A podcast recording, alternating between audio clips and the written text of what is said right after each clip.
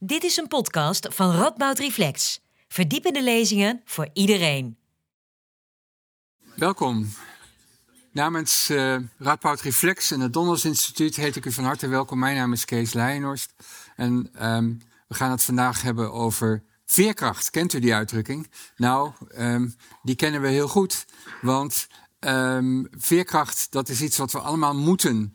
Uh, we moeten veerkrachtig zijn. En de winkels liggen vol met uh, zelfhelpboeken uh, die ons te onderwijzen om meer resilient, resilience te oefenen, veerkrachtig te zijn en veerkracht te oefenen.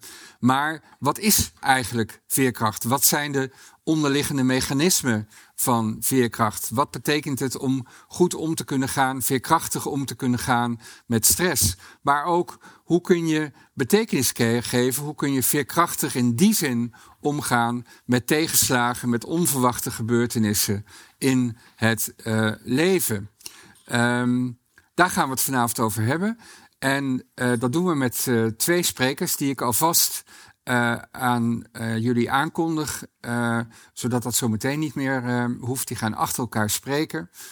Karin Roelofs begint, is psycholoog verbonden aan het Donners Instituut en gespecialiseerd in onderzoek naar stress en de omgang met stress. Michel Schereraat, uh, religiewetenschapper en theoloog, geïnteresseerd in en onderzoeker van, een expert op het gebied van het laatste thema wat ik noemde, inderdaad die omgang met tegenslagen en de, manier waarop we van dit soort dingen kunnen bekomen en toch op een zinvolle manier zin kunnen geven aan ons leven boeiende gesprekspartners.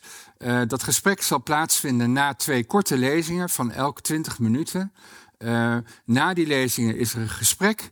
En na dat gesprek is er ruimte voor jullie om vragen te stellen vanuit het publiek. Daar horen een paar hele korte en bondige regels bij, maar die ga ik straks uitleggen als we aan de vragenronde toekomen. Rest me niets anders dan het woord te geven aan Karin Roelofs.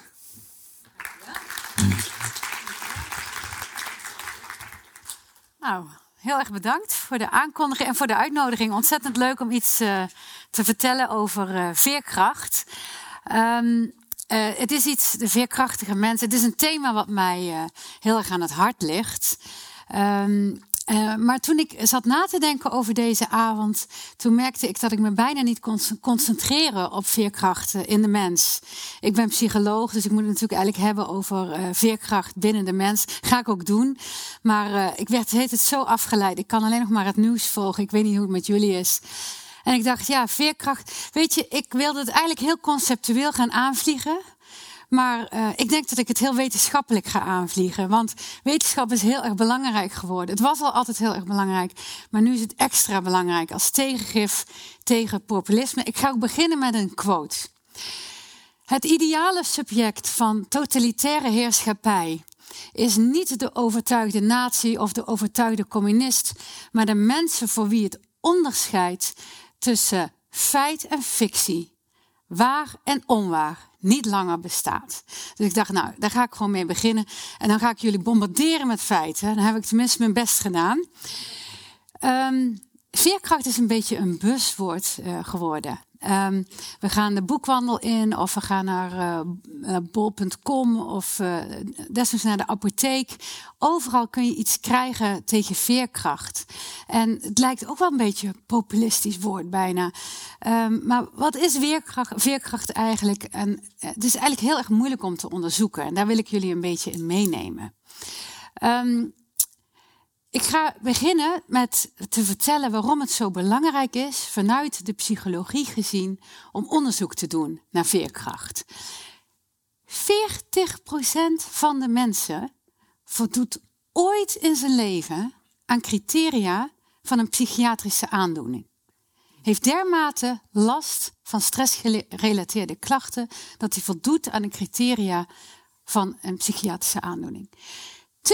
20% op jaarbasis. Dus elk jaar voldoet 20% van de mensen heeft last van dit soort klachten. Ik hoop niet dat het mijn telefoon is. Deze getallen klinken een beetje abstract, maar ze worden misschien wat minder abstract als ik het in context ga plaatsen. Dit plaatje, en nu hoeft het helemaal niet precies te zien, maar ik dacht, laat ik gewoon wat feiten uh, uh, erin gooien vandaag. Dit is het aantal mensen dat uh, last heeft van neurologische, de meest voorkomende neurologische stoornissen die we hebben. Dus dan hebben we het over hersentumor, dat komt er best wel wat voor. Stroke komt natuurlijk voor, dat kennen we allemaal. Parkinson, stoor, uh, Parkinson komt veel voor. Dementie. Kijk nou eens, nu komen we ineens in de categorie van de uh, moeddisorders, maar ook angstklachten. Die komen dus het meest voor. Waarom is dit zo interessant? Hoeveel geven we nou eigenlijk uit per persoon aan die klachten? Nou, we geven ontzettend veel uit aan stroke. We geven ontzettend veel uit aan dementie. We geven per persoon ontzettend weinig uit aan mensen die last hebben van angstklachten.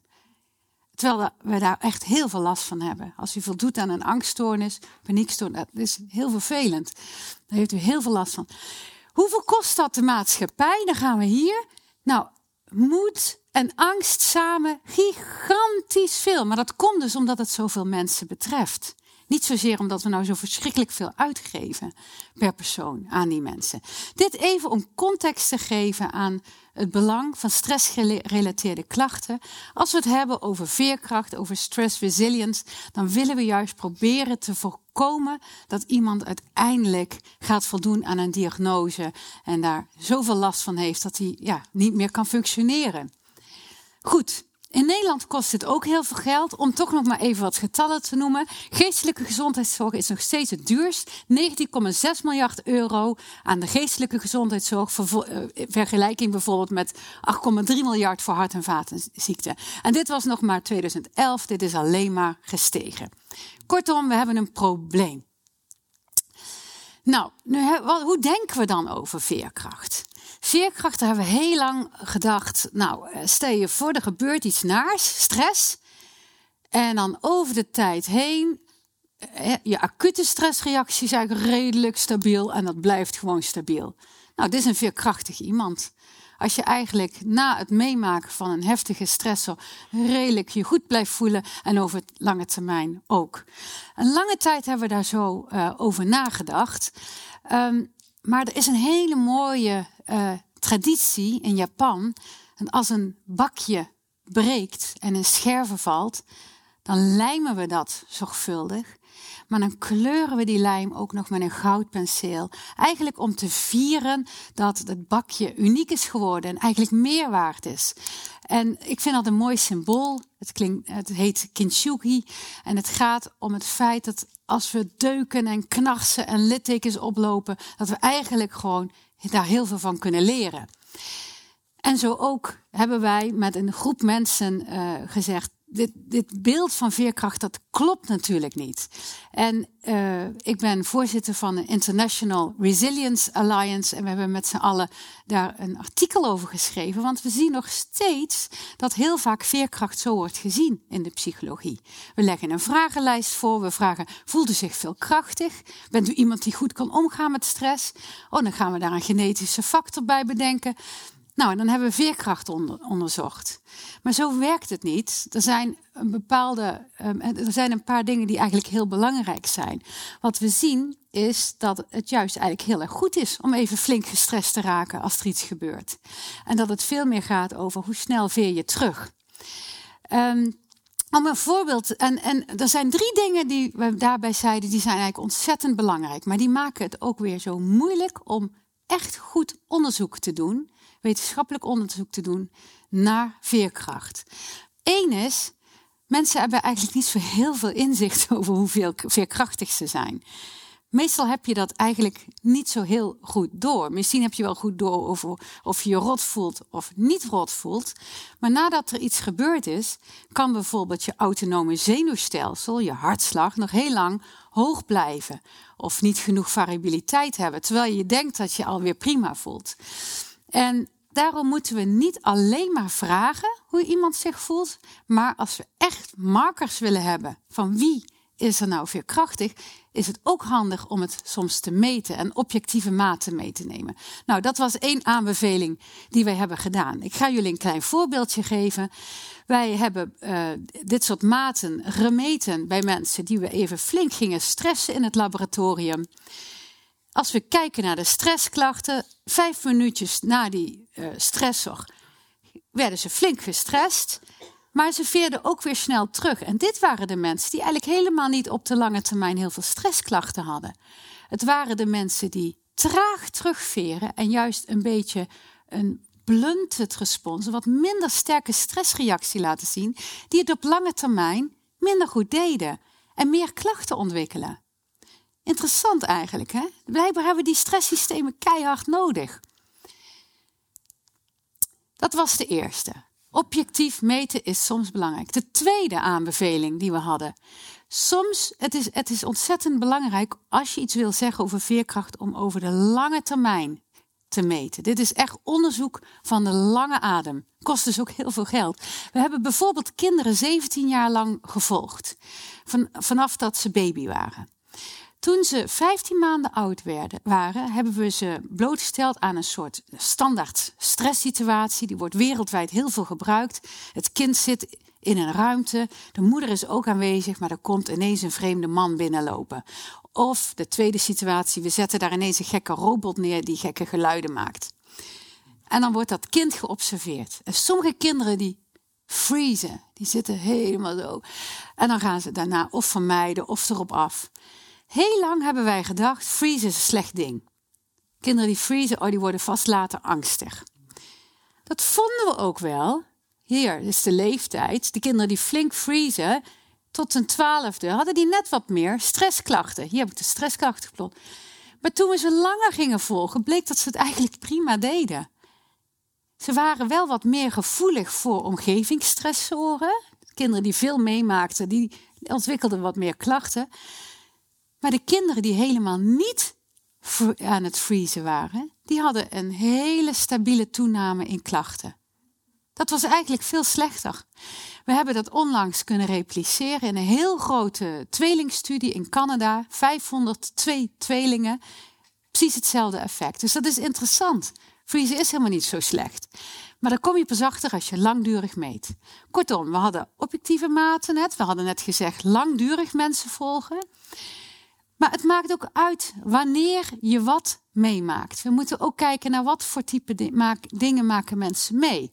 En wat wij ook vonden in deze kinderen, is dat als kinderen vroeg, nog voor hun vijfde levensjaar, traumatische ervaringen meemaken, heeft dat een hele andere invloed op de hersenontwikkeling dan wanneer kinderen later eh, trauma's of nare ervaringen meemaken.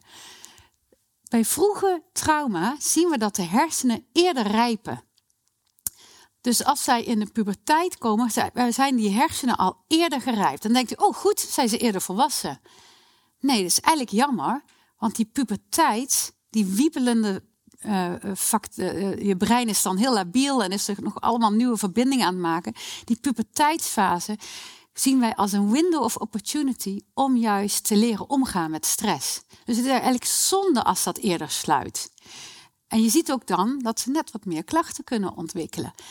Terwijl als kinderen, als we kijken, als ze later dingen meemaken, dan gaat het niet zozeer om uh, ervaringen uh, als uh, verlies en dood. Gaat het veel meer om pesten, heeft dan veel meer invloed. En dat heeft weer een hele andere invloed op hersenontwikkeling. Kortom, het maakt uit wat je meemaakt, maar ook de timing. En al die factoren spelen mee in hoe uh, uh, ervaringen waar je mee om moet leren gaan, invloed hebben, al dan niet op het ontwikkelen van klachten. De hamvraag, de one billion dollar vraag eigenlijk in de psychologie en psychiatrie is: kunnen we voorspellen of iemand tegen een stootje kan of klachten gaat ontwikkelen als die nare dingen meemaakt. Um, waarom willen we dat graag weten? Niet zozeer bijvoorbeeld omdat we nou goed politieagenten willen selecteren, zodat we, in ieder geval weten, die gaat het goed doen. Dat gaat veel te ver. Maar stel je voor dat wij eerder al kunnen zien, hoe er zit wat wiebelingen, of hey, dat autonome zenuwstelsel is al uit balans. Dan kunnen we veel eerder ingrijpen en het kan ons helpen, die kennis, om behandelingen net wat beter te fine-tunen. Dat is de reden dat we dit heel graag willen weten. Hoe moet je dat dan doen? Nou, wij dachten, het mooiste is om dit in politieagenten te gaan onderzoeken, want die worden geselecteerd door een vrij strenge selectie. Ehm, als die binnenkomen bij de politieacademie, zijn ze jong, fris en fruitig. En dan hebben ze er nog zin in. Vervolgens worden ze in hun opleiding blootgesteld aan tal van potentieel traumatische ervaringen. Eerder onderzoek had laten zien dat ongeveer 30% van hun stressklachten ontwikkelt. Dat is best heel veel. Gewoon door de opleiding. Want ze moeten dienen in een noodhulp. Voor het eerst ongehinderd door enige kennis. Voor het eerst gewapend. Moeten ze de rotklusjes oplossen. Echt nare dingen maken ze mee. Dus we dachten, als we ze nou eens meten hier en dan gaan we ze volgen in de tijd. Dan kunnen we misschien erachter komen wat voor factoren hier een voorspeller kunnen zijn voor wie nou klachten gaat ontwikkelen op de lange termijn en wie niet.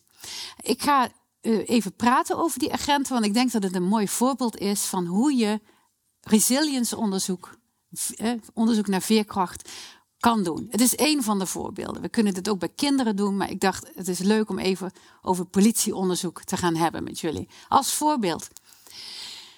Dus, wat hebben we gedaan? We hebben ontzettend veel agenten uit het hele land kwamen ze met de politieauto. We kregen anderhalf miljoen van NWO om dit te onderzoeken. En de politie hielp ook mee. Uit het hele land naar Nijmegen laten komen, naar het Donders Instituut.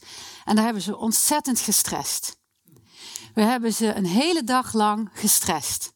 In de scanner, hartslag gemeten, vriesreacties, schiettaken onder druk. Als ze fout maken, krijgen ze shock. We hebben ze helemaal binnenstebuiten gekeerd. Genetica van alles. En vervolgens wilden wij dus kijken, wie is nou gevoelig voor het ontwikkelen van stressklachten na al die trauma's die ze later mee gaan maken. En we hebben ze dus jaren gevolgd. En wie kan eigenlijk prima tegen een stootje. En het belangrijkste wat we vonden is de manier waarop de hersenen emoties kunnen controleren, maar ook hoe variabel onze hartslag is, was een enorme predictor.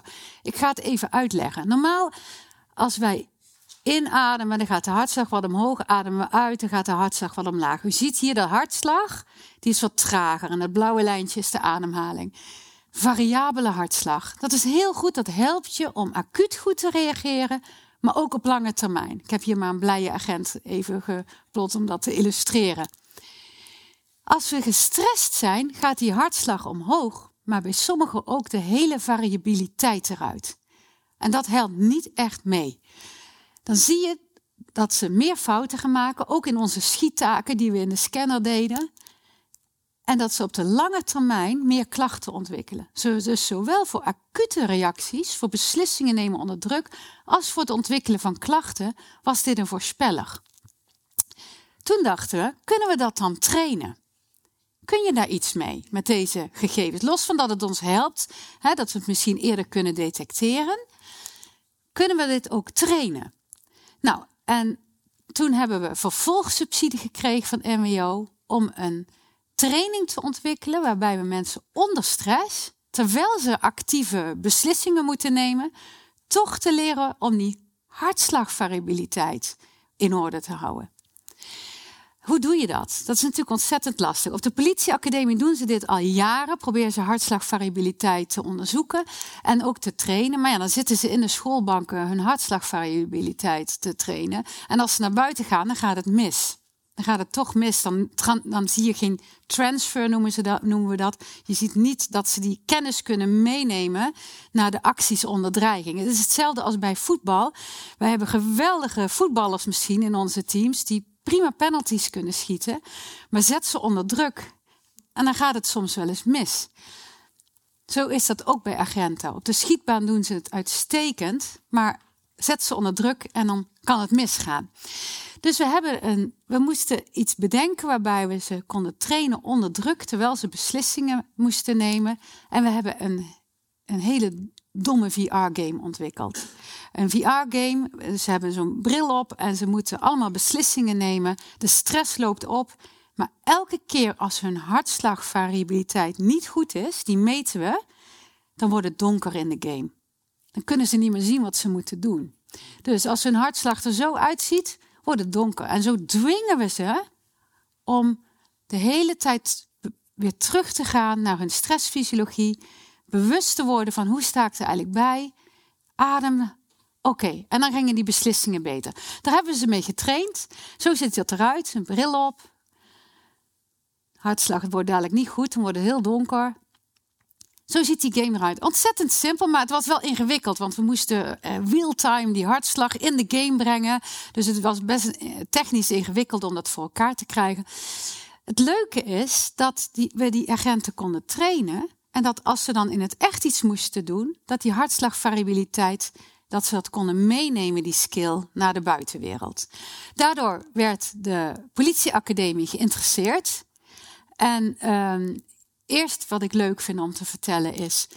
Die agenten vonden het eigenlijk best eng om dit te doen, want ze vinden het niet prettig om met elkaar over stress te praten. Ze vinden het ook niet prettig om toe te geven dat ze gestrest zijn, want we deden dit ook bij de trainers van de agenten, die het zogenaamd allemaal al perfect moeten kunnen, maar ook hun hartslag ging de race de pan uit.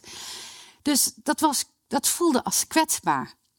Maar omdat we zo'n domme tool, zou je kunnen zeggen, hebben ontwikkeld, werd het wat leuker en gingen ze er veel meer met elkaar over praten, over in gesprek. Dus we hebben deze tool ook gebruikt om het gesprek aan te gaan over stress en over uh, stressfysiologie. En wat kan je nou doen om dit terug te brengen en wat kan je doen om het mee te nemen. Uiteindelijk vonden ze het leuk en heeft de politieacademie gezegd: we gaan die hele game, alle agenten moeten hiermee getraind worden. Dus CZ heeft nu gezegd: we gaan die game uh, op de, het systeem van de politie zetten. Waarom willen ze dat? Even terug. Politieagenten hebben, als zij onder druk staan, een performance drop van 50%. Zelfs in schietbeslissingen, maar ook waar ze, moeten, waar ze raken. Ook in ander type beslissingen. Dat is best heel hoog. Ze zijn onder druk ook meer gevoelig voor biases. Ze gaan meer excessieve force gebruiken en maken fouten in beslissingen. Dat is acuut. We zien dat als dit soort dingen gebeuren, dat je ook meer uitval hebt. Verzuimpercentage op dit moment is 6,7 procent. Dat is eigenlijk ontzettend hoog. Als target hadden ze 5,9 in 2023. Hebben ze niet gehaald, is 7,1 procent geworden. Dat is heel hoog. En dat is ook de reden waarom ze denken: hé, hey, we moeten ook iets gaan doen met stress. Maar dan wel op een manier dat agenten, want die vinden het niet leuk om het uit een boek te lezen, dat ze het een beetje aanspreekt. Dus toen hebben ze gezegd: we gaan het in de politieacademie, in het curriculum stoppen. Nou, dat is gewoon een voorbeeld van hoe je van heel fundamenteel onderzoek, wat we eigenlijk bij ons met dieronderzoek begon, naar freezing, hartslag, daarna in agenten, oh, het is een predictor, en daarna in een tool omzetten naar, hey, kunnen we daar wat mee om ze wat meer resilient te maken? Belangrijk is hierbij dat we niet deze lijn alleen maar halen. Hè? Dus dat, de weer, dat de weg bumpy is, daar heb ik jullie denk ik wel van overtuigd. Het is geen vlakke Het is prima dat het bumpy is. Heel goed, als we allemaal flink op en neer gaan. Helemaal geen probleem. Maar die bumpy route kan misschien ook wel echt tot een verbetering in omgang met stress leiden. Um, en daarmee wil ik eigenlijk afsluiten. Misschien past het gewoon wel heel erg mooi bij openstaan voor het feit dat we met cracks en bumps uh, langzaam doorgaan. Um, maar ook dat wetenschappelijk onderzoek van een lange adem is. Uh, ik wil jullie bedanken voor je aandacht, want ik stop hiermee. En dan uh, ga ik de vloer geven aan jou, want jij gaat door. Met een heel ander perspectief.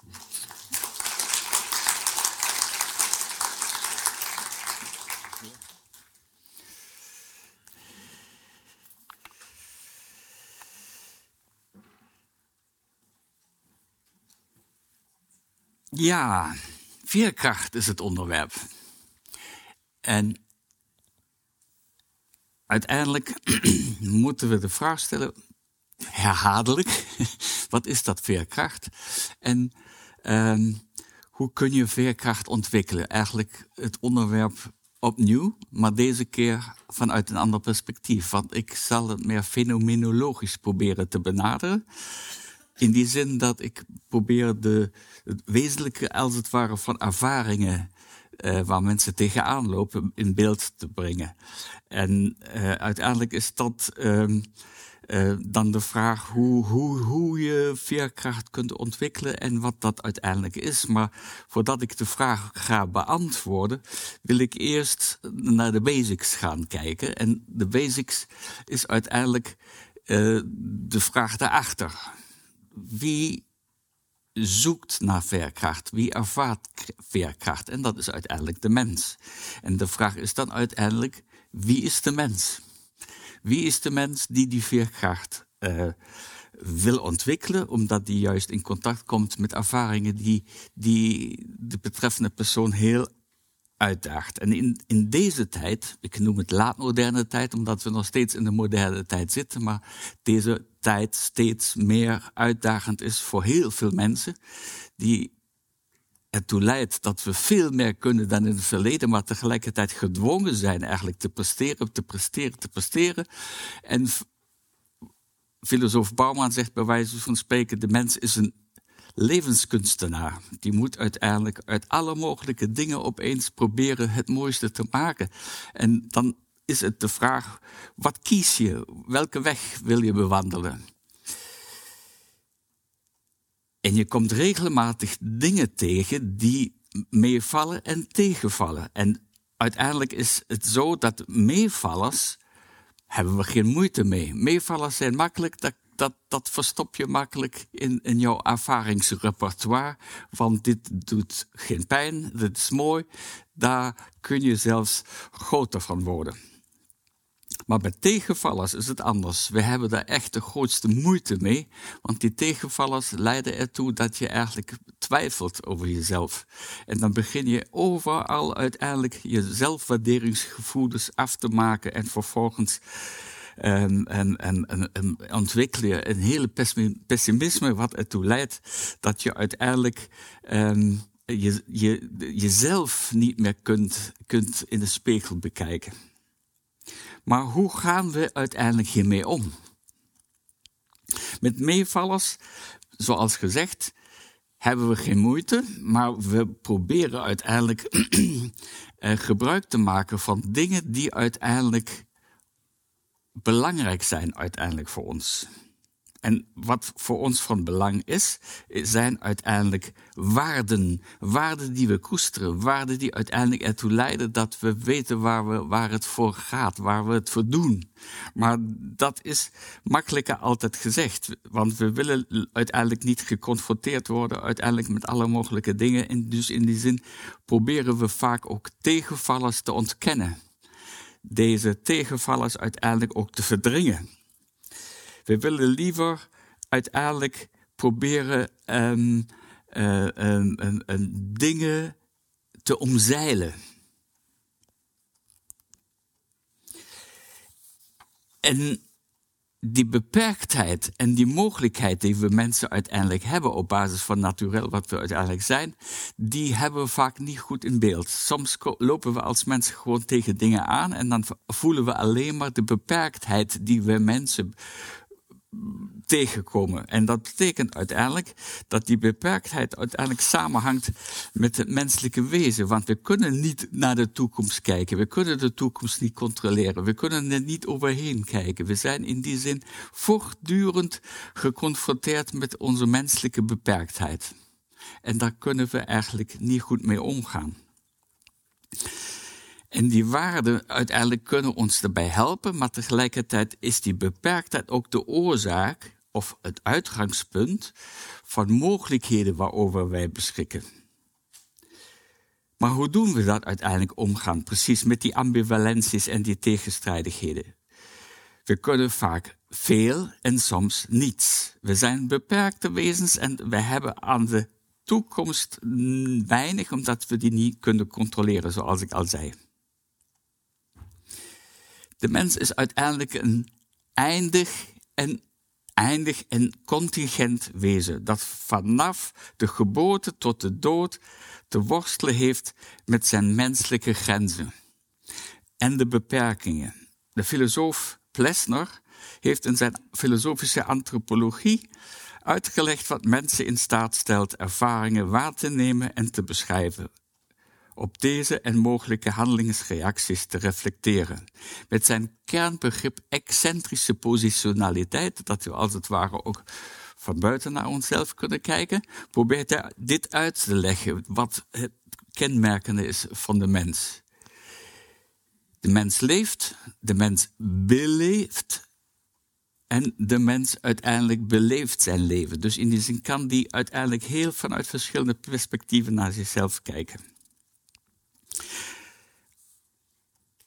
Deze excentrische positionaliteit biedt ons de mogelijkheid uiteindelijk ook naar die dingen te kijken die buiten onze macht staan. Die, waar we kunnen ons ertoe verhouden. We kunnen die dingen, die ervaringen die we niet begrijpen, kunnen we plaatsen door die reflectie daarop.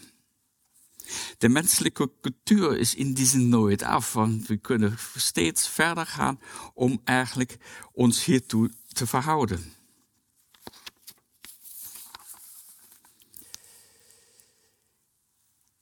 Voor onze mensen is heel veel mogelijk, maar uiteindelijk ook niet onmogelijk. En die term die ik in het begin heb gebruikt, contingentie, beschrijft uiteindelijk dat dingen niet noodzakelijk zijn, maar ook niet onmogelijk. Uiteindelijk zijn heel veel dingen niet noodzakelijk, maar ook niet onmogelijk. Tegelijkertijd betekent dat ook dat we mensen over de creativiteit beschikken om dingen mogelijk te maken. De coronacrisis heeft dit laten zien dat opeens wanneer je geen stap meer verder kunt zetten, omdat de condities zo zijn zoals ze zijn, moet je nieuwe dingen bedenken. En mensen kunnen dat. Maar uitgedaagd pas door die breuk, door die, door, die, door die ervaring van die beperktheid, dan worden we mensen creatief om uiteindelijk die te overschrijden, nieuwe dingen te ontwikkelen. En deze manier van omgaan met onze contingent wezen, dat we als, het ware niet alles vanzelfsprekend uh, verder kunnen gebruiken en doornemen, betekent uiteindelijk dat we te maken hebben met een bereik, bereik van contingentie, waar uiteindelijk elke handeling, elke ervaring die we tegenkomen te maken heeft met de ruimte van het niet noodzakelijke en het niet onmogelijke. Dus in die zin hebben we mensen de mogelijkheid, als het ware, desondanks alle beperktheid, ook de mogelijkheid eigenlijk dingen mogelijk te maken en te creëren. En dit bereik kan creativiteit ontstaan. Creativiteit veronderstelt contingentie. Zonder contingentie geen creativiteit.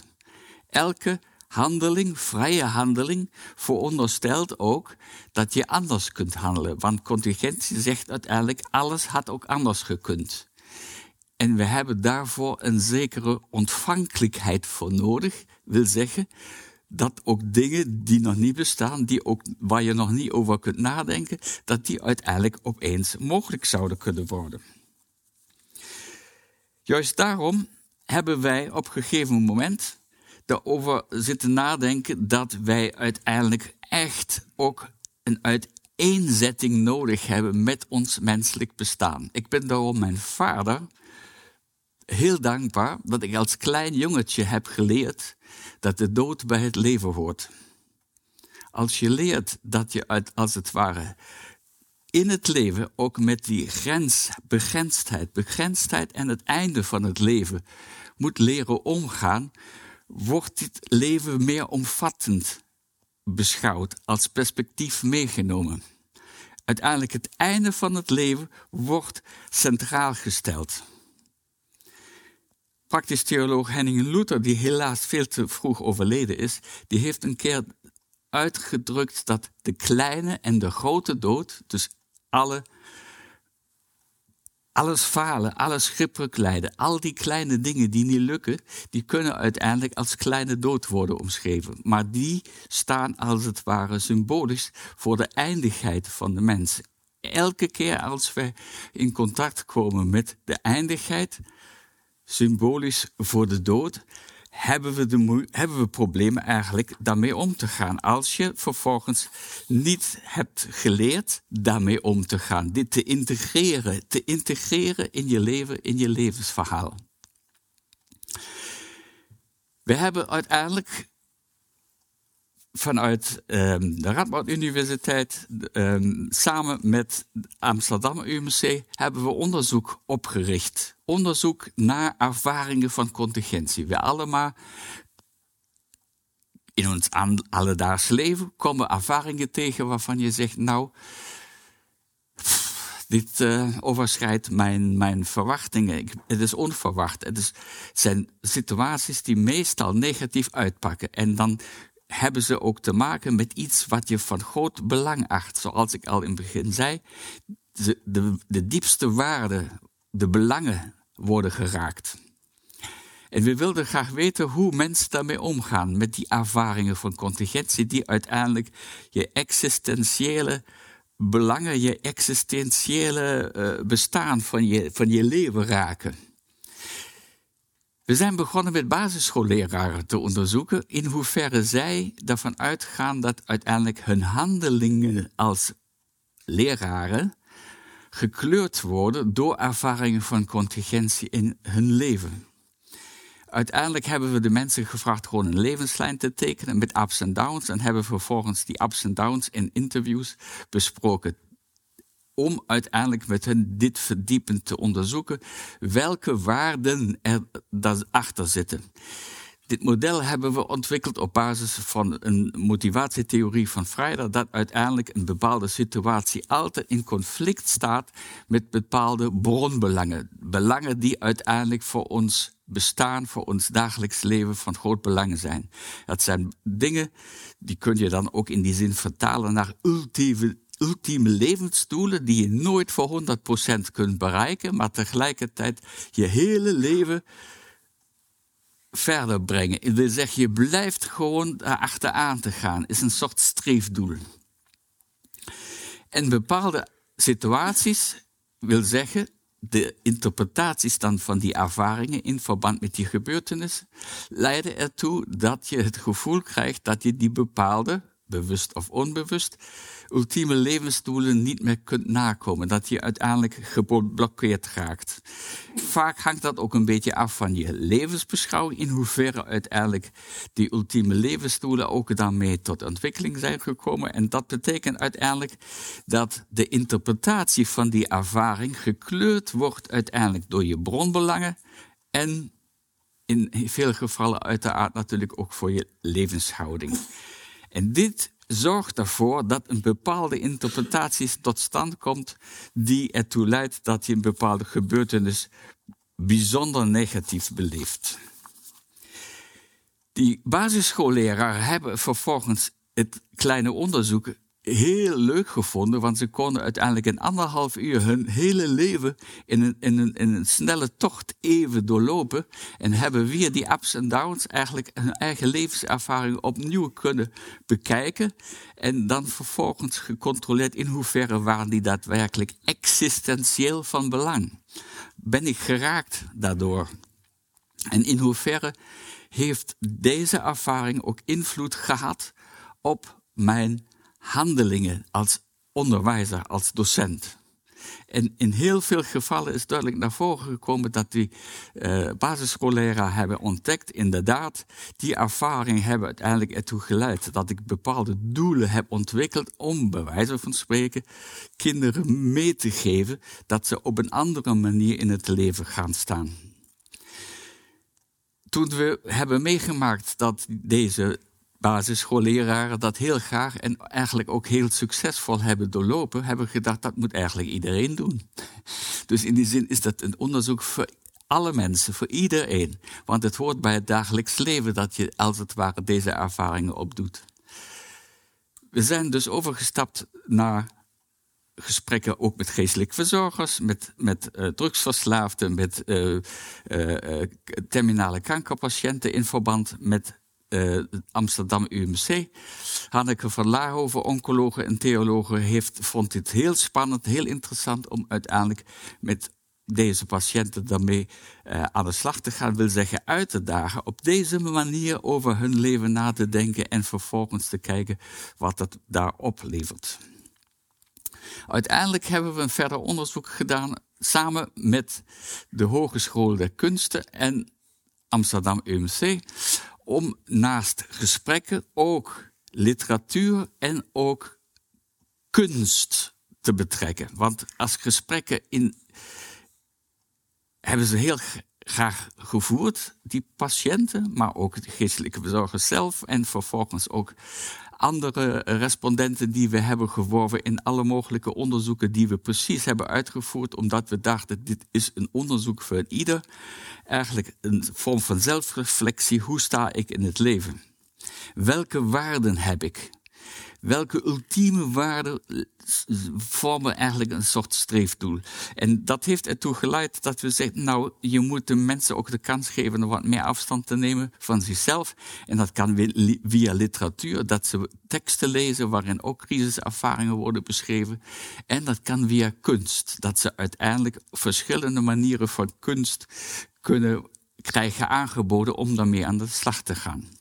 We hebben dus uiteindelijk samen met Koningin Wilhelmina Fonds mochten we onderzoek uitvoeren om verschillende manieren van onderzoeksvormen naast gesprekken, naast literatuur, naast kunst eigenlijk aan de slag te gaan.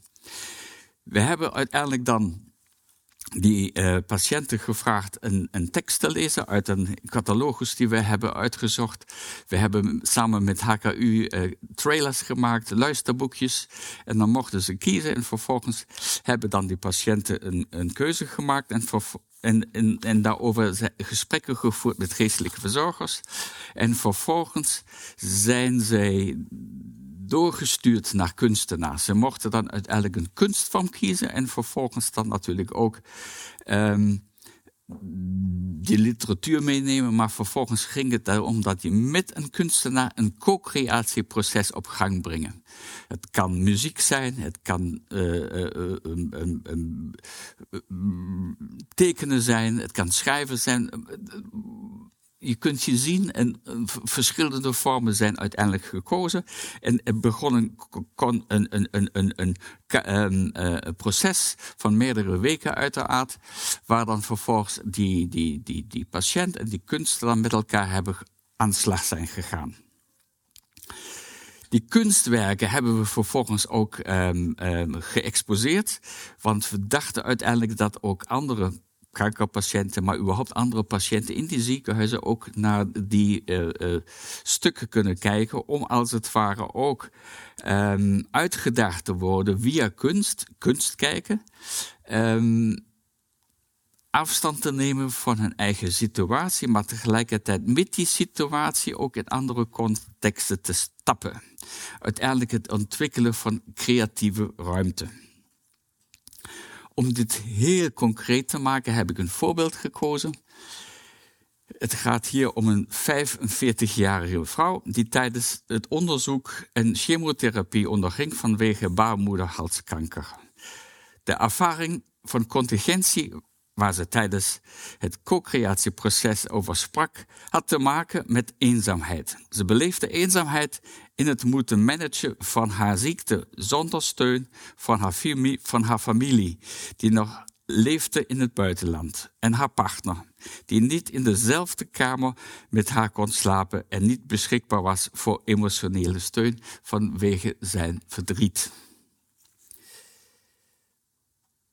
Het ultieme levensdoel van haar dat aanwezig was tijdens het co-creatieproces, noem, omschreef ze uiteindelijk als voelen van liefde en het delen van liefde en het delen van liefde van God. Voorafgaand aan het co-creatieproces, samen met een geestelijke verzorger, las ze het verhaal met de titel Vaarwel van Forbe, geschreven door Vonne van der Meer, dat draait rond het thema van een vrouw die haar kind verliest. In haar co-creatieproces onderzocht ze uiteindelijk beelden die haar aan haar jeugd met haar ouders deden denken. Ze koos ook voor gekleurd wilde bloemen, die haar aan de talloze gevoelens en herinneringen die ze ervoor tijdens het ziekteproces had. Die bloemen verwelkten langzaam in het loop van de tijd, wat haar herinnerde aan de vergankelijkheid van haar lichaam en haar innerlijke uitgedoofd vuurwezen. Voor haar betekende witte rozen Gods leiding. Bepaalde stoffen vertegenwoordigden een jurk die haar moeder voor haar had gemaakt toen ze nog een kind was. Dus die herinneringen kwamen naar voren tijdens het co-creatieproces. En daardoor kon ze keuzes maken om vervolgens bepaalde dingen te symboliseren. In de kunstwerken kwam haar ultieme levensdoel tot uitleg in de deken, in het deken gewikkeld zijn en een gedicht wat ze opeens begon te schrijven. Deze uitleg was direct gekoppeld aan een gevoel van eenzaamheid en een gebrek aan ondersteuning bij het krijgen van kanker, waar ik net heb naar verwezen. Het kunstwerk bevatte elementen van liefde, verbinding en bescherming. Er zijn foto's gemaakt van die opstelling uiteindelijk nadat het kunstwerk afgerond was. En daarna besloot zij de bloemen te laten verwelken en nieuwe foto's te maken van diezelfde opstelling. De foto's werden vervolgens op een witte deken geprojecteerd om de meest passende configuratie te vinden.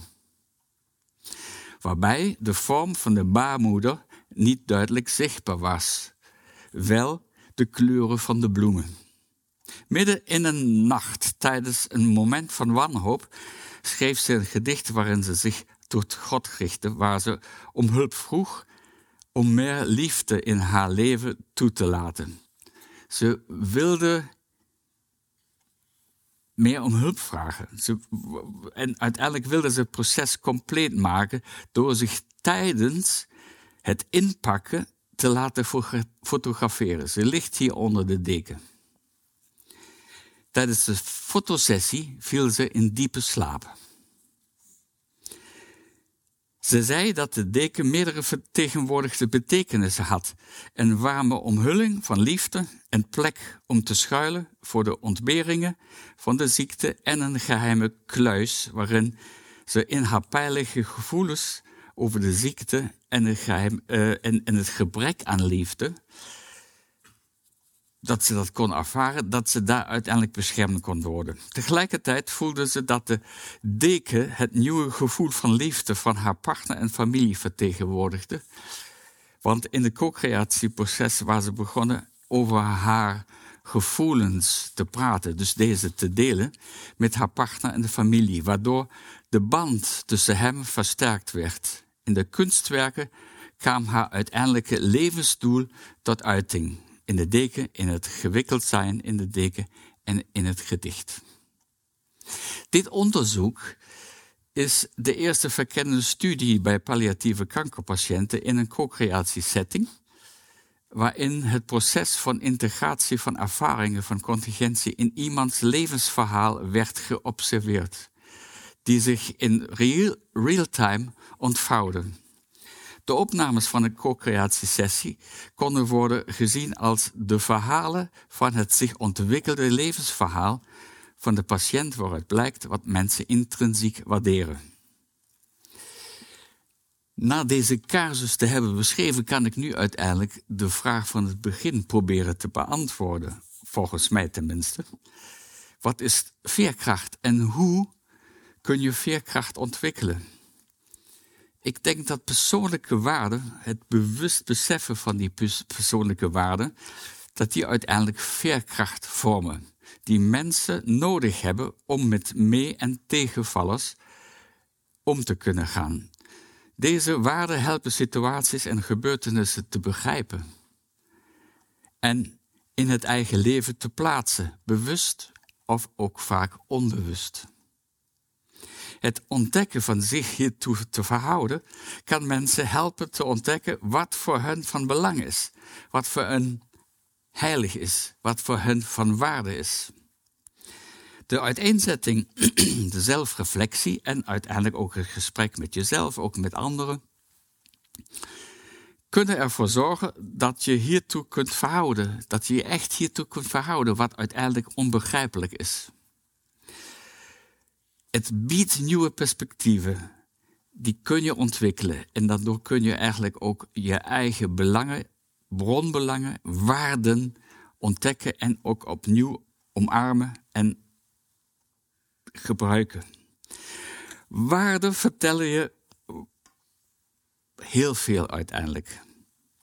Namelijk wat voor je leven, wat voor je leven nodig is, wat ertoe doet, wat de strevingskracht uiteindelijk ook inhoudt.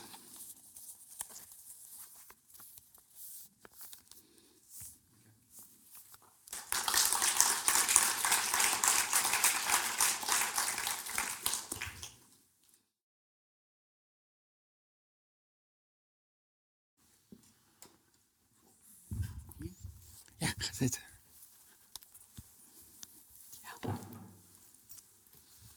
Ja, dus uh, twee hele uiteenlopende perspectieven en die gaan we nu aan elkaar praten. Uh, of ook niet, dat zullen we zien. Um, ik heb wel een, een, uh, een eerste vraag naar, naar, naar jouw verhaal, Karen. Um, in hoeverre is het soort van perspectief dat, dat uh, wat Michel inneemt, uh, dus het, waar het gaat over waarden, over je levensverhaal, over het zin geven aan gebeurtenissen die je overvallen en, en die, die je niet verwacht. Um, in hoeverre zou je dat kunnen integreren in het soort van onderzoek wat jij doet? Hè? Dus over die politieagenten. zou het ook zin hebben om ze te vragen naar hoe, hoe, hoe verhoudt zich tot, dit tot jouw verhaal, zeg maar? Of hoe maak jij hier een verhaal van? Of, of onttrekt zich dat aan, aan, aan jouw uh, meetinstrumentarium, zeg maar? Ik, ik denk dat. Ik, ik, ik vond het overigens een prachtig uh, verhaal. Ik, vond het, ik denk dat ze volstrekt complementair zijn. Ja. En dat wil niet zeggen dat ik het meeneem in mijn onderzoek, Nee. want ik doe geen waardeonderzoek. Nee. Ik zie ook in de psychologie dat we dit vooral pas gaan doen als iemand uh, al vastgelopen is. Domweg omdat de gezondheidszorg zo duur is en wij niet de middelen krijgen om uh, Preventief. preventief uh, dit soort uh, waardeonderzoek te doen. En omdat, ik heb het voorbeeld gegeven van agenten juist, omdat het een doelgroep is die daar uh, geen zin in heeft. Ja. Dus die daar, sommigen wel hoor, ik wil echt niet zeggen, maar niet allemaal a priori voor openstaan. Daar liepen wij tegenaan bij het ontwikkelen van een interventie. En, dus wij zochten een ingang. Um, maar dat het belangrijk is en dat het heel mooi is en dat het iemand enorm kan vormen. Um, daar geloof ik in. Maar of, ja, of dit preventief in zo'n jonge groep, mm-hmm. die ook uiteindelijk actie moeten nemen daar. Mm-hmm. En juist zo ontzettend vastlopen. Um, als ze een fout hebben gemaakt. Uh, ik, nou, ik denk juist als ze vastlopen. Ja. Want natuurlijk, als ze eenmaal klachten hebben, ja, dan komen ze wel in aanmerking voor een behandeling. Ja. Wat natuurlijk jammer is, dat is Ja. laat. Ja, heb ik meteen een tweede vraag, maar ik kom echt terecht bij jou hoor. Uh, maar dat is dat, dat uh, je hebt het over dat vastlopen. Uh, je hebt het ook over wat je eigenlijk noemt is een soort groepscultuur van wij zijn eigenlijk tough guys en tough girls en wij praten niet zo over, over dat het moeilijk voor mij kan zijn als uh, agent om zoiets verschrikkelijks mee te moeten, uh, mee te moeten maken. In hoeverre kan wat jij doet, wat jullie doen met je onderzoek, in hoeverre kan dat bijdragen aan een verandering in die cultuur en kan die cultuur misschien zodanig zijn dat er wel plek is voor deze ervaring, die ervaring misschien ook weer anders worden? Hoe, hoe speelt die cultuur daar een rol in? Heb je, heb je daar enig idee? Weet ik nog niet, maar we hebben wel tekenen dat we denken dat dit kan helpen. Ja. Uh, ik liet dat ook heel even zien, hoe ineens ze gingen praten over hoe ze letterlijk soms zeiden: nee, dit, ik heb die stress niet. En nee, die game.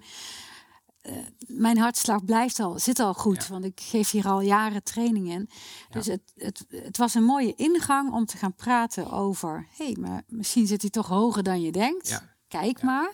En dan erover gaan praten. Maar toen gingen ze ook onderling erover praten. Dus mij lijkt het een hele mooie ingang. Ja, ja. Ja. maar dat is iets wat, wat nog in het verschiet ligt, eh, ook van jullie eh, onderzoek en interventie ook. Ah ja, ik, ik vind het, we gaan het wel meenemen, omdat we dus nu hem gaan eh, implementeren, gaan er zo precies. ontzettend veel data binnenkomen. Ja, Ehm, en is het ontzettend mooi om mee te nemen van nou, wat is de lange termijn? En eh, heb je ook Ja. het idee dat je er meer mee doet? Ja. Misschien moeten we er nog wat meer aan koppelen. Maar- Want ik, ik zag wel een hele mooie eh, overeenkomst in jullie verhaal. Dus die, die, die grafiek van, eh, van jou eh, over het feit dat, dat als je wel instantaan acuut stress ervaart. en niet onderdrukt of, of, of, of een beetje ja, dat, dat niet binnen laat komen op de een of andere manier. dat dat, dat, dat in de, voor de langere termijn eigenlijk veerkrachtiger maakt. Ik zag daar wel een overeenkomst met, met, met jouw verhaal. Dus dat als je in staat bent om, die, om ervaringen te integreren. eh, het ervaringen van verlies en van beperktheid en al die termen die je, die je, die je noemde, dat dat veerkrachtiger maakt. Klopt mijn, klopt mijn gevoel daarover of klopt het niet? Ja, helemaal. Want het is, het, uiteindelijk ehm, ontdek je daardoor door de integratie. Want je, je moet het accepteren en niet ontkennen.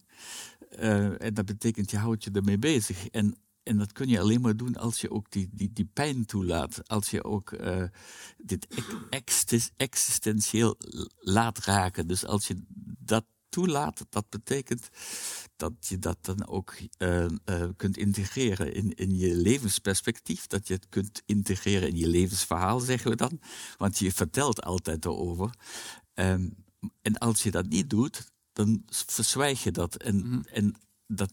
Eh, ik, ik denk dat dat in ieder geval meestal niet goed uitpakt. Maar als, het, als je dat wel integreert, werkt dat heel goed. Want je hoort dan van veel mensen dat ze dat als een nieuw leven beleven. Zelfs kankerpatiënten die terminaal ziek zijn, die vinden dan uiteindelijk een aantal jaren, de laatste jaren of zo, beleven ze totaal anders.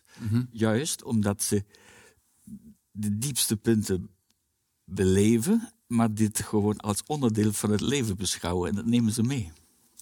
En, en, en waarom, ja, is het, moet ik waarom zeggen of moet ik hoe zeggen, weet ik niet helemaal precies. Maar waarom is het zo dat als, eh, als je dit niet doet en, en het aan je voorbij laat gaan, eh, dat een negatief, negatief effect heeft? Of wat is dat negatief effect dan eigenlijk? Hoe ziet dat eruit dan? Je zou toch ook kunnen zeggen, ehm, dat maakt toch juist heel, heel veerkrachtig. Het, het feit dat ik daar niet hele verhalen over moet gaan zitten houden en dat moet gaan zitten integreren, maar het aan me voorbij kan laten gaan, dat zou, dat zou je kunnen zeggen, dat is hartstikke veerkrachtig, toch?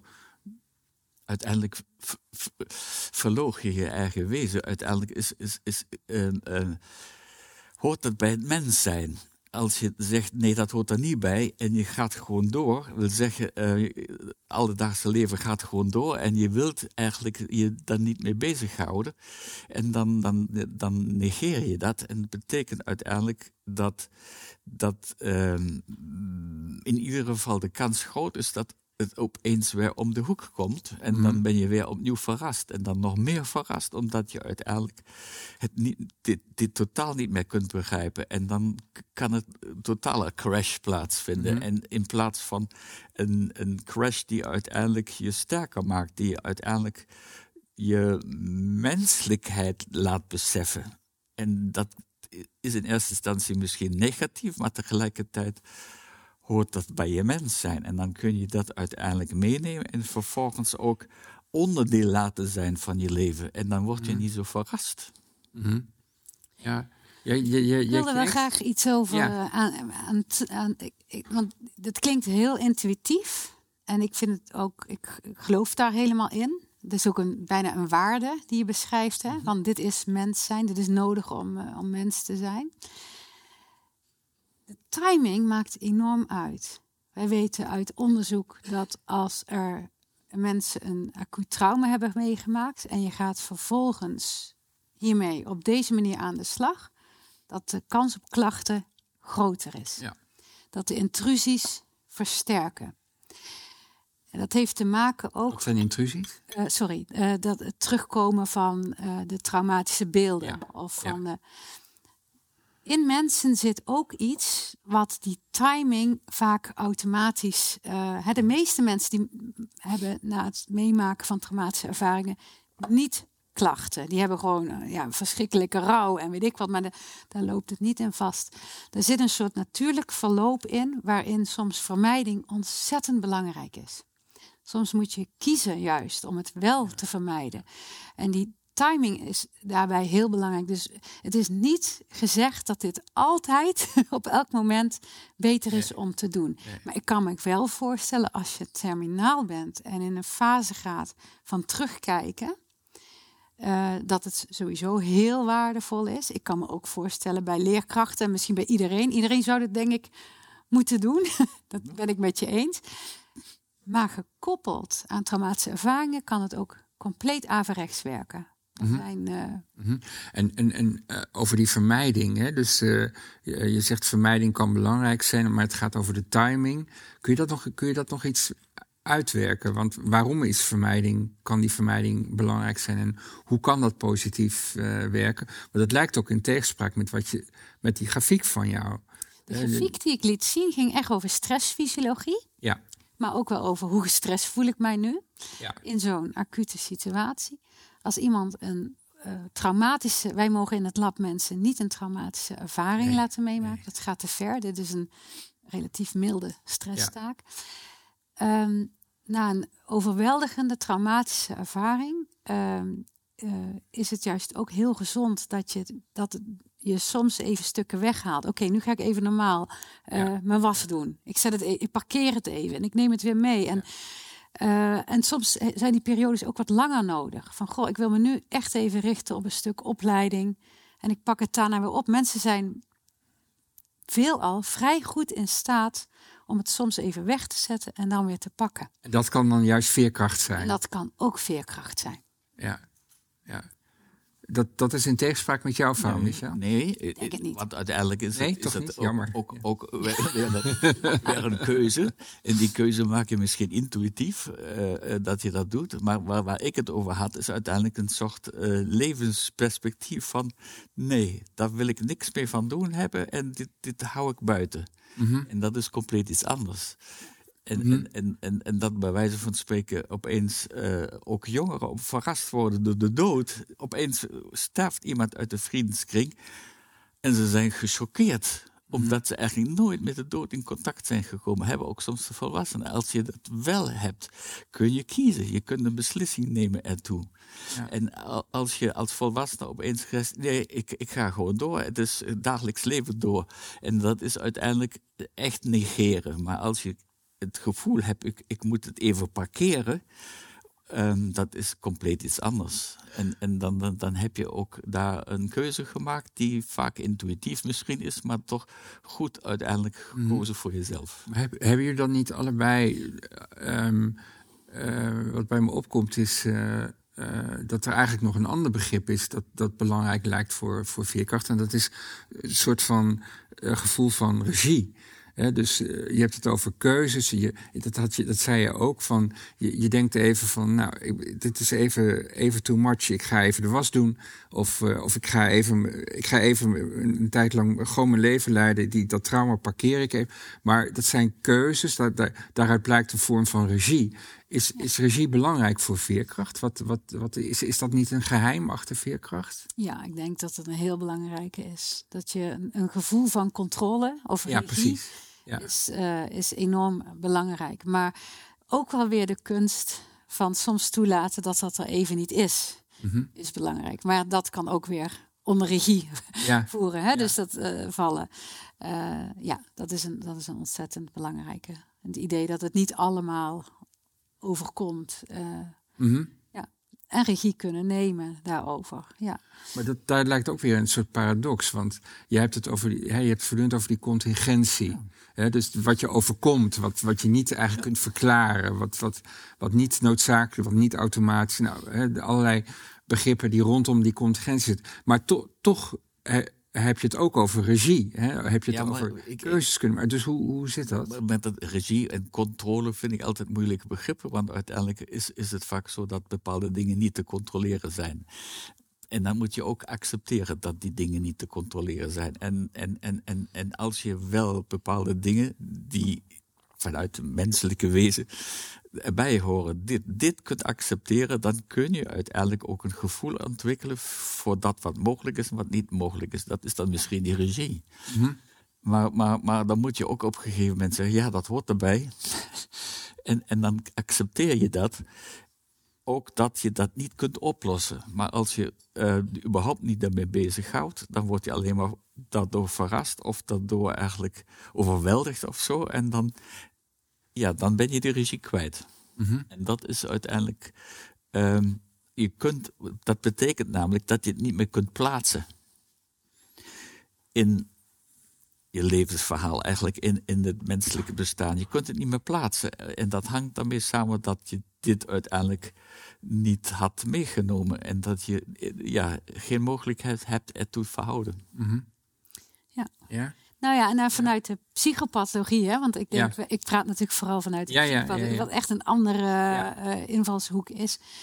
Zien we twee soorten. We zien mensen die het oncontroleerbare proberen te blijven controleren. Maar we zien ook eh, dat het stukje, hè, we zien ook gewoon gevallen waar je niet de controle neemt, waar het wel zou kunnen. Mhm. En dat in verband, dat is misschien eh, regie. Mhm. Dat in is balans kunnen brengen. Nou, kunnen kiezen. hey, hier is een situatie die kan ik niet controleren, die laat ik los. Hier is een situatie, daar kan ik wat mee, daar ga ik wat mee doen. Ja, ja. Maar dat betekent ook.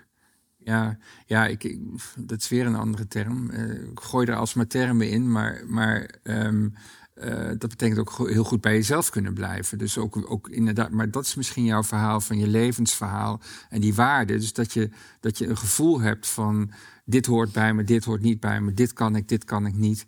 Maar dat, dat, dat, dat veronderstelt bijna een soort ideaal eh, zelf. Ik bedoel, ik, ik, ik herken mezelf in ieder geval niet. Eh, Maar het, het is toch ook een proces dat op en neer. Dat zijn, je hebt dagen, daar gaat het makkelijker. En dan Ja. denk je, ja, je hebt het goed in beeld allemaal. En dan heb je dagen, daar, daar gaat het minder goed. En, en, en, en uiteindelijk is het, de, eh, we hebben het over integreren. Eh, eh, dagen waar je dat zonder moeite kunt integreren. En dan gaat het weer eh, anders. Maar tegelijkertijd door die mogelijkheid te hebben, kun je ertoe verhouden. En dit vind ik wel belangrijk, dat je het niet gewoon wegstapt. Ja. Even een hele andere aanvliegroute. Ehm, je, eh, je hebt dat onderzoek, eh, dat onderzoek over die, eh, over die politieagenten. Ehm, eh, jij had onderzoek met basisschoolleraar en je zei eigenlijk, ja, dit moet voor iedereen. We willen het uitbreiden. En je bent het gaan uitbreiden. Hè? Je hebt het eh, verteld over je onderzoek met terminaal zieken. Maar ik, ik vraag me af, ehm, die politieagenten, dat is een hele, hele selecte atypische, z- zou je kunnen zeggen, groep eh, mensen. De politieagent, dat wil je niet zomaar worden. Dat, daar hoort een bepaald, ja, daar hoort bepaalde vaardigheden, karakter misschien zelf, weet ik veel wat bij. In hoeverre is het onderzoek wat jullie doen voor deze groep, groep eh, kun je daar conclusies uittrekken voor, nou, voor jou en mij, zeg maar, die, die niet voor hebben gekozen. En ik, ik bedoel, ik zou een hele slechte politieagent zijn, dus ik zou, ik zou er ook nooit voor kiezen. Maar, maar hoe, hoe, hoe, hoe kun je dat extrapoleren? Of kun je dat niet? Of, Nee, nou, eh, ik denk het wel. Ik, wat mij is opgevallen, dat je eh, eh, enorme diversiteit hebt Toch, in de ja. politieagenten. Ja. Worden er ook ontzettend veel aangenomen. ja, En ze verschilden in allerlei dingen. Niet van allerlei studenten van sportacademies die we als controlegroepen hadden. Dus zo bijzonder zijn ze ook weer weer niet. niet. Nee hoor. Nee. En ehm, eh, ik heb nog niet de politieagent eh, gevonden. Ik de- zou het willen, eh, hè, wat we geleerd hebben, zou ik willen generaliseren naar first responders. Dus mensen die in risicoberoepen eh, werken. En dat kan ambulance zijn, leger. de, Ja. de mensen die dus eigenlijk aan verschrikkelijk veel worden blootgesteld. ja, en dan niet, en niet bevriezen. Ja, en toch ook wel weer een beetje. Ja, Even wat? mag. Ja, even mag. even is dus goed. Wij zien in allerlei studies dus, hè, bevriezen wordt altijd als slecht gezien, maar Ja. dat het juist helpt in, in de beslissing nemen. En eh, het is een hele mooie psychofysiologische toestand waarin je even heel erg alert bent. Even stopt, maar wel helemaal klaar om te gaan. Dus dat, dat Ja, kan ja. juist wel helpen. Ja, ja, dus Dat is dus eh, heel grappig, want ik werd laatst gebeld of ik wilde meedoen aan een werkgroep om bevriezing te stoppen. En ik zei, nou, dat moet je niet doen. je wilt helemaal niet stoppen. Dat, eh, dat, dat wil je. kun je daar nog iets meer over zeggen? Want als je zegt first re- responder, dat is waarom ik denk ik zou een slechte politieagent zijn, want ik zou bevriezen en ik zou het niet meer weten, zeg maar. Eh, maar jij zegt eigenlijk dat is een, dat is een goede of gezonde reactie, maar dan hopelijk wel, neem ik aan, van korte duur. Niet te lang, Niet te lang, niet te lang. zou ik zeggen. Ja. Maar ze, wel degelijk hebben first responders zo'n reactie. En die reactie die kan hen zelfs helpen om die respons ook daadwerkelijk te We geven. zien in tal van studies dat als je fysiologie even in de freeze, dus je hartslag gaat omlaag en je bent even doodstil onder dreiging, dat dat helpt om sneller adequate reacties te nemen daarna. Terwijl als je ze helemaal niet hebt, als je meteen in de fight-flight gaat, dat eh, werkt niet goed. Ja. Maar ik kan me inderdaad voorstellen, hè, dus dat telefoontje wat je, wat je noemde. ehm, eh, van we gaan bevriezing voorkomen. Dit betekent voor opleiding en training van mensen lijkt me dat heel veel te betekenen. Omdat je, ik kan me voorstellen dat er, je geleerd wordt om, om inderdaad eh, te handelen. Ja. Maar, je, maar je moet dus eigenlijk eerst even niet handelen. Ja. Dat lijkt me, het is een totale andere mindset, toch? Ja. Ja, en soms moet het wel meteen, maar vaak is het helemaal niet zo slecht om dat even te hebben. Ja. Ja, ja wauw. Ehm, een belangrijke levensles, denk ik, toch? Eh, Ja, wij, wij waren verrast. Ook Ja. omdat iedereen denkt, freeze is slecht. Maar Ja. dat, eh, ja. ja. Moeten we dat in het, in het leven en de zingeving ook doen, bevriezen? Ja, als je dat zo hoort, denk ik dat dat gebeurt dan ook. Als, als je de diagnose bijvoorbeeld krijgt voor kanker of Ja. iets anders, dan, dan schrik je. Ja, En hoe lang je schrik, lang bevriesd bent, dat is dan ook afhankelijk van alles en nog wat. Maar tegelijkertijd, eh, denk ik, moet je dat zo waarnemen. En dan is het goed dat je het met mensen erover kunt hebben. Dat je dat vervolgens ook kunt bespreken. En, en, en, en dan is het juist doordat je zo geraakt bent. hè, contingentietheorie zegt juist dat je diep geraakt moet zijn waardoor eigenlijk een reflectieproces pas op gang kan komen. Want als je die, die geraaktheid niet hebt, komt er geen reflectieproces op gang. nee. Dan, dan ga je inderdaad je leven gewoon doorleiden zoals je, Ja. zoals je het leidt, zeg maar. Ja. Ja. Eh, Wat, me, wat me ook opvalt bij jouw onderzoek is, eh, het is, het is empirisch onderzoek. Hè? Jullie, jullie doen interviews en eh, interviewen mensen, dat soort dingen. Maar ik, ik bespeur ook een zekere normatieve dimensie. Eh, van hoe, hoe hè, je, zegt ook van wat er, wat er goed zou zijn aan en, en, en wat er minder werkt. En hoe, hoe verhouden die twee zich in Nou ja, de, de norm is uiteindelijk, wat is de mens? Of wie is de mens? En dat is de norm uiteindelijk.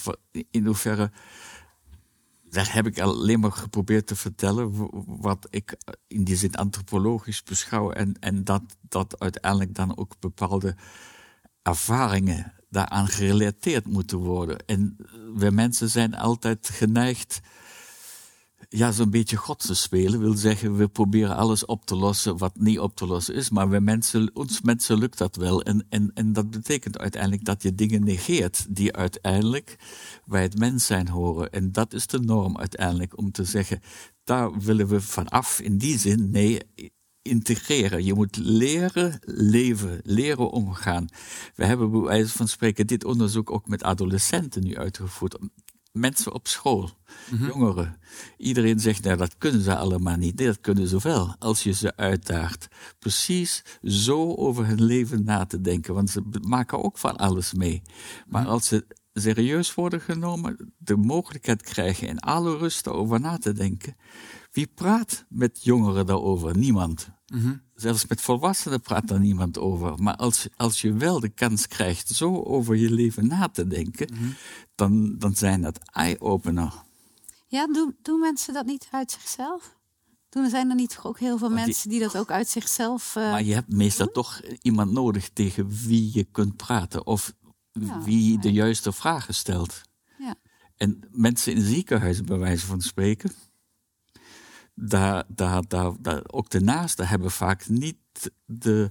Ja, dat geloof ik. Ja. Die willen dat vaak niet. En, en, en dan zit je daar alleen mee. Ja.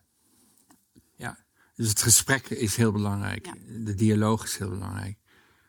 En daar een vorm voor aanbieden. Ja. Ja. ja. Daar moeten we mee eh, afsluiten. Eh Karin Roelofs, Michael Scherraat, heel erg bedankt eh, voor jullie eh, fantastisch verhaal en de, discussie. Groot applaus. Leuk.